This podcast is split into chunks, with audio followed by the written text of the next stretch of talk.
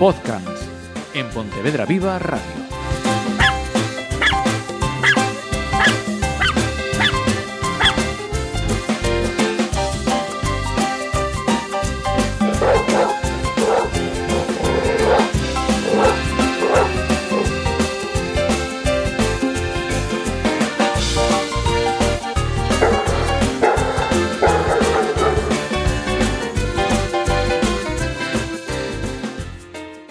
Hola, saludos. Vamos con este mm, primero, eh, segundo, mm, Primero. Diego Álvarez, nuestro educador canino. ¿Qué, Ca- qué casi hacemos? primero, el otro como Casi una- primero, sí, ¿no? una Es presentación. como se dice ahora, piloto, ¿no? Eh, exactamente. Eh, programa piloto de presentación, a ver cómo, cómo respira. Por cierto, ¿cómo respiró el programa? ¿Qué te han dicho? En- en La gente bien, pero bueno, era familia, entonces tampoco cuenta mucho. Sí que cuenta, sí que cuenta. Son buenos embajadores, Bien, hombre. Eh, pues para este primer eh, programa, eh, Diego Álvarez nos ha traído un término del que vamos a aprender. Un término que es dominancia. Me has explicado que para hablar de dominancia hay que referirse a, a un señor que yo no conocía de nada, que se llama David Mate. No sé si lo pronuncio bien, Sí. si no.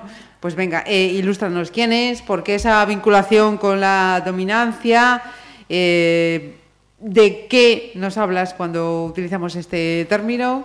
Vale, pues el término dominancia crea mucha controversia, no sé realmente por qué, porque esta persona de la que hablamos eh, lo dejó bien claro. Eh, eh, David L. Meck fue el, primero en usar este término y jerarquía y tal en estudio de lobos. Lo primero, ¿quién es David Meck? Porque a lo mejor hablamos de, no sé, de la Pantoja o de la Esteban y nos suena, pero a lo mejor David Meck no suena tanto. Hay Eh, bastantes posibilidades. Exactamente, sí, sí. Si fuese Cristiano Ronaldo Meck, pues igual sí, pero si no, no. Eh, pues es un científico, investigador y profesor con más de 60 años de experiencia en el estudio del lobo americano. Eh, es además fundador en 1985 del Centro Internacional del Lobo y es además autor de más de una decena de libros y un gran número de artículos. Es decir, eh, no se saca un curso a distancia. Ajá. El tío pues algo controla. Y, y reciente, ¿no? Estamos hablando de 1985. Sí, sí, sí. O sea, el señor ya tiene su edad, pero los estudios los inició hace, hace bastantes años. Ajá. Eh, el estudio se realizó en los años 40 y Ah, en, vale, en 1970, si no recuerdo más, además como tesis doctoral de su carrera o algo así, eh, eh, publicó El lobo, etología y comportamiento de una especie en extinción. Y fue donde por primera vez se habló del tema eso, dominancia, jerarquía, en el tema de- del estudio de los lobos. Eh, es la base, por desgracia, para el trabajo con, con- con- perros desde el punto de vista clásico. ¿vale? Luego hay otras tendencias, que yo por ejemplo soy defensor de- del trabajo en positivo, eh, pero se, se tendió a, a considerar a, partir de estos estudios que debíamos de trabajar con los perros como se había visto que los lobos interactuaban. Pero es que eh, este estudio era sesgado, no, no, no fue un estudio completo. Por un lado, eh, se estudió el comportamiento mm, a nivel muy limitado. Sobre todo se prestó especial atención al tema de la caza y se, se prescindió del estudio de otros tipos de comportamientos.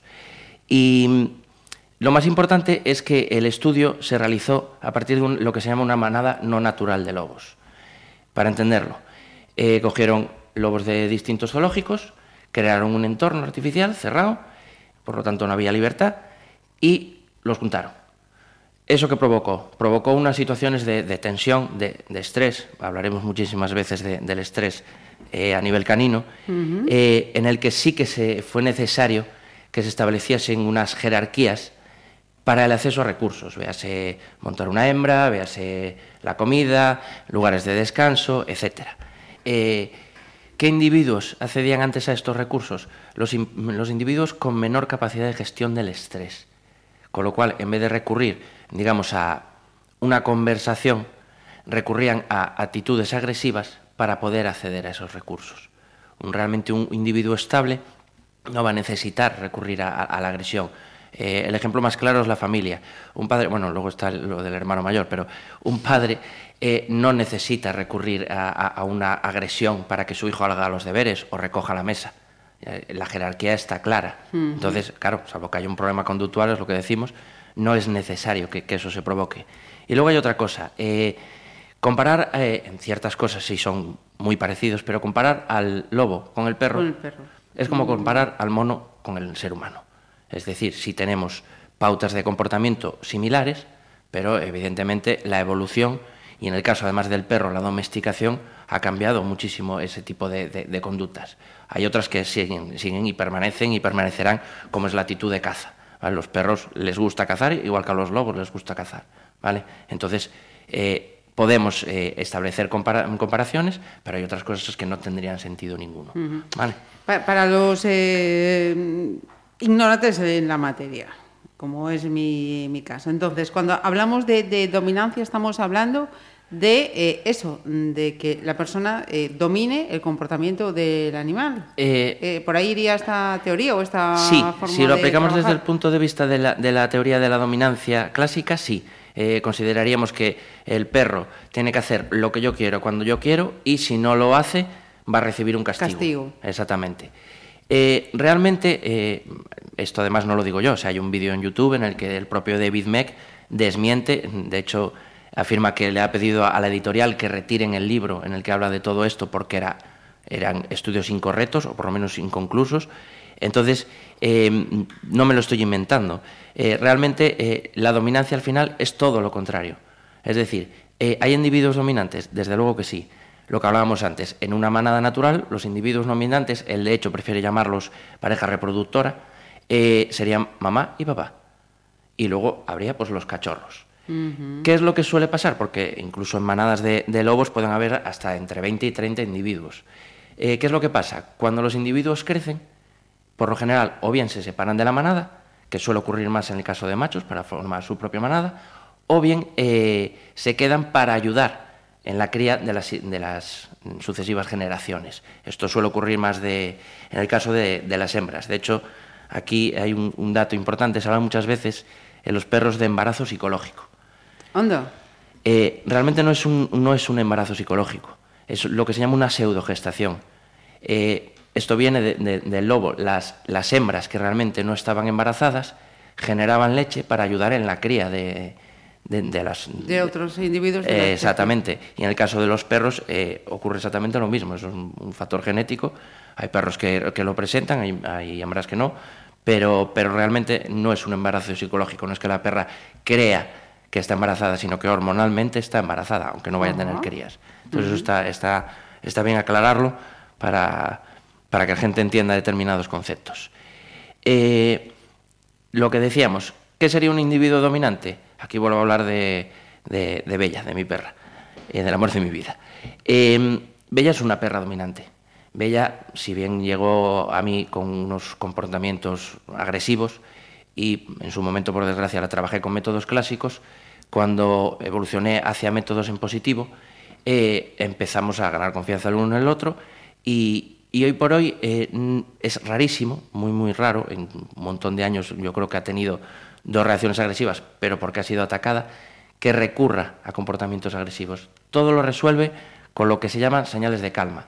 Esto ya es parte de, otro, otro, mm, programa, pero para que lo entendamos, es lo que hablábamos antes de conversación, ¿vale? Prefiero hablar, lógicamente, antes de agredirte. Y, eso sería un individuo dominante, un individuo pues que no necesita recurrir a eso, sino que razonando entre comillas es capaz de resolver esa situación. Por eh, frases que, he ido recogiendo de lo que ibas eh, diciendo, que decías, bueno, por desgracia, yo prefiero trabajar en positivo, em, no es una teoría o una práctica que tú eh, recomiendes, ¿no? No, eh, además, de hecho, eh, en este sentido, digamos que tengo la ventaja de haberlo trabajado y sé lo que provoca, ¿vale? A mí me costó un año recuperar la confianza de Bella en mí y hay muchas diferencias cuando tienes un buen vínculo o un mal vínculo por haber trabajado con métodos clásicos con tu perro. Entonces, no, no, no lo recomiendo. Y a mayores es eso, tampoco tiene sentido. Eh, voy a basar eh, la educación de mi perro en la, dominancia porque lo dijo David Meck. No, no, David Meck dijo justo después, dijo lo contrario. Y luego a mayores, eh, yo quiero que sea mi perro, sea mi hijo, sea un empleado, quiero que hagan las cosas por voluntad, no por miedo. Y el- el- los métodos clásicos lo que provocan es que el perro reaccione, haga o no haga algo por miedo a un castigo. Entonces, desde luego, para mí no es un método muy recomendable. Eh, has utilizado varias veces eh, las palabras métodos clásicos. Em, va- vamos a dejar así todo muy, muy mascadito, ¿eh? Bien, bien. si te Perfecto. parece bien. Eh, eh, ¿A qué te refieres cuando hablas de esos métodos clásicos? Los métodos clásicos son lo- los métodos que están basados eh, básicamente en el castigo. Eh, hay gente que mezcla métodos clásicos con técnicas en positivo, con lo cual se vuelve un poquito loco al perro. Es decir, métodos que implican eh, castigo, ya sea collares de descargas, collares de estrangulamiento, martingala, manipular al perro. Eh, hay gente que para enseñarle al perro a sentarse lo que hace es eh, sujeta collar y empuja el culo para abajo, con lo cual el perro se sienta. No hay necesidad de hacer eso. Eh, hay, con, en la técnica que se llama luring o hilo, podemos enseñarle a un perro a sentarse, a sentarse sin tocarlo. Con lo cual, eh, todo lo que implique, sea un castigo físico o incluso psicológico, o sea, por presión podemos psicológicamente castigar a un perro, para mí, y vuelvo a decir, lo he trabajado, carece de sentido por completo, pudiendo hacer las cosas en positivo.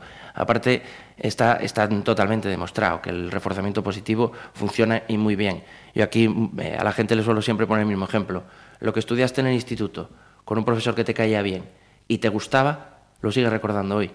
Lo que te obligaban a estudiar y tenías un profesor que no lo soportabas, no te acuerdas absolutamente de nada. Entonces, es así, o sea, es, es, como dije en el primer programa, eh, nos basamos muchas veces en la ciencia y científicamente está demostrado.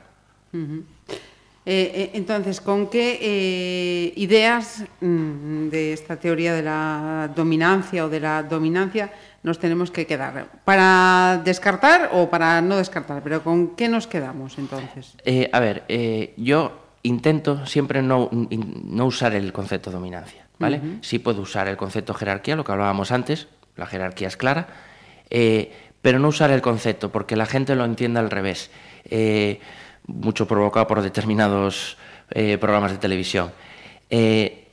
Debemos de pensar mm, en partir de una base, y es la capacidad cognitiva del perro. La capacidad cognitiva del perro es inferior a la del ser humano. Bueno, por lo menos por lo general. A lo mejor hay seres humanos que están por debajo, pero vamos, por lo general no. Con lo cual, no tiene sentido pensar que un perro se va a levantar por la mañana diciendo hoy voy a dominar el sofá, mañana voy a dominar la cama y pasar al mundo. No tendría sentido ninguno. Y eso es en- en una de las cosas en las que se, baja- se basa la teoría de la dominancia. El perro quiere estar por encima de mí. ¿Hay perros con un carácter más competitivo que otros? Desde luego que sí, lo hablaremos en, en otras charlas, a a ver los hilos, pero no es una norma general.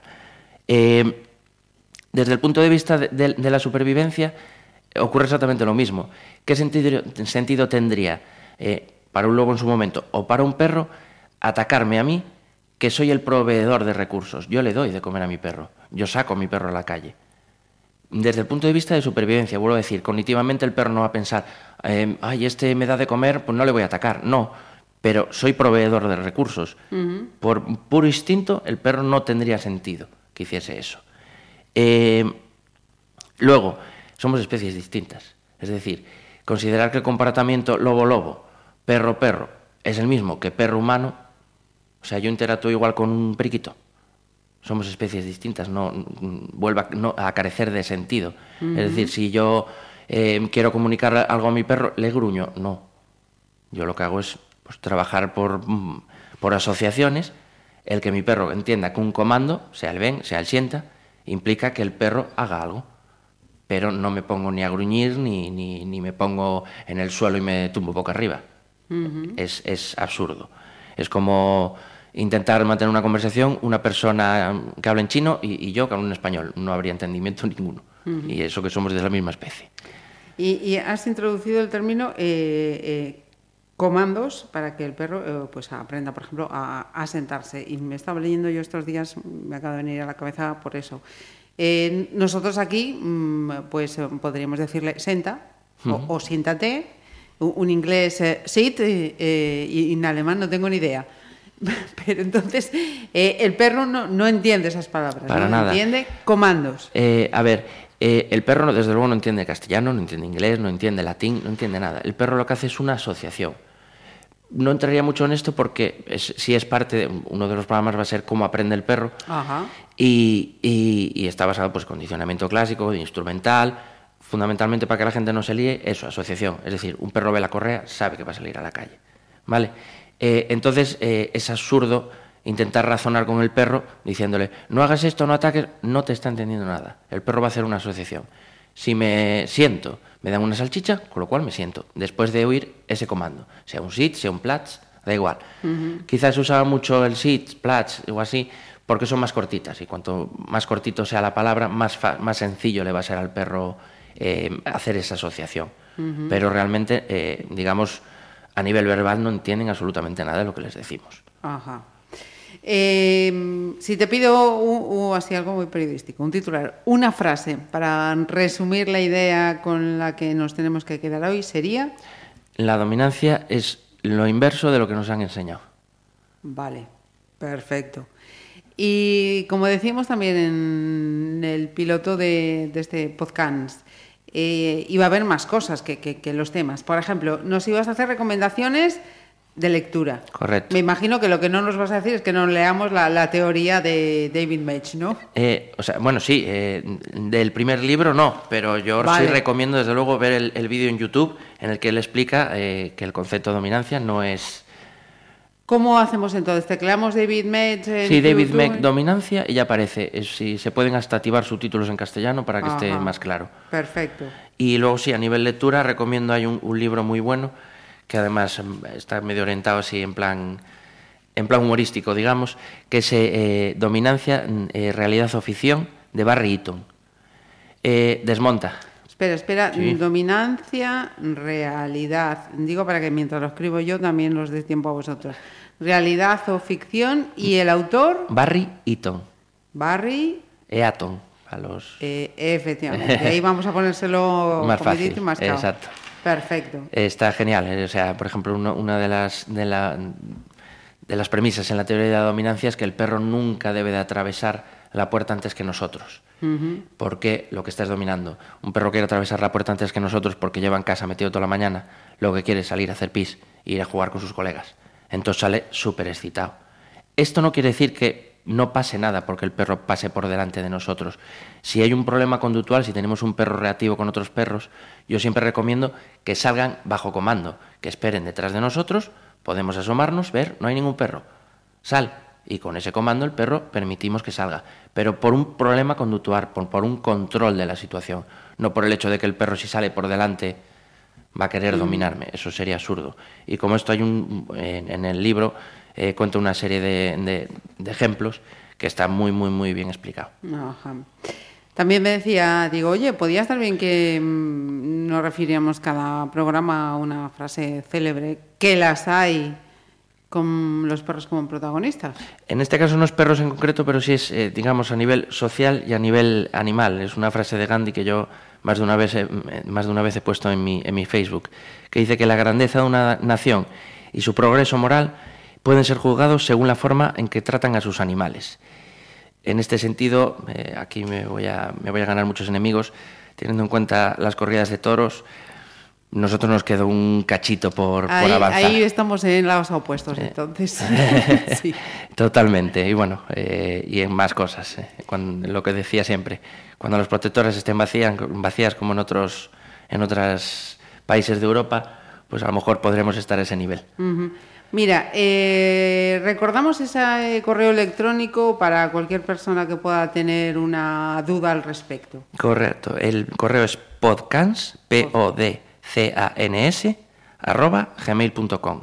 Ahí podéis mandar las dudas, las sugerencias, seguramente algunos de clásica me manden insultos, bien recibidos serán también, y, así pues podemos todos seguir aprendiendo, seguir mejorando y, y- y cubrir las necesidades de nuestros perros, que es para lo, para lo que estamos aquí.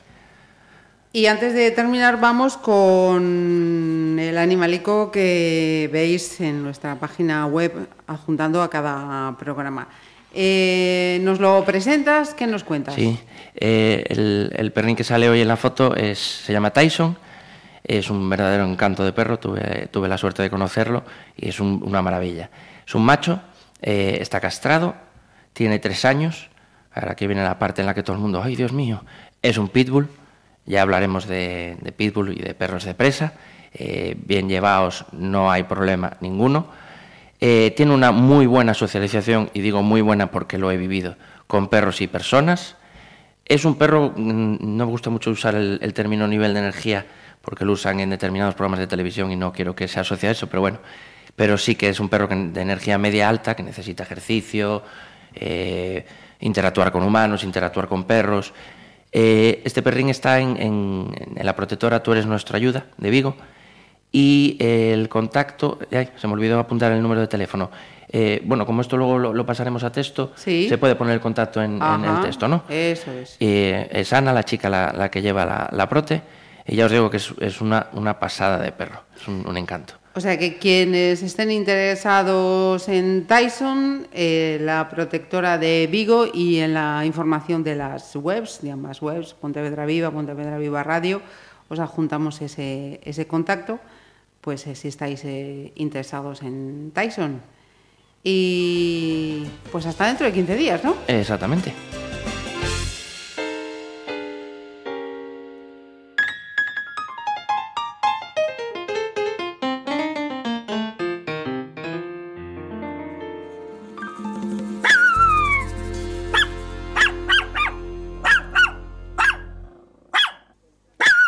Podcast en Pontevedra Viva Radio.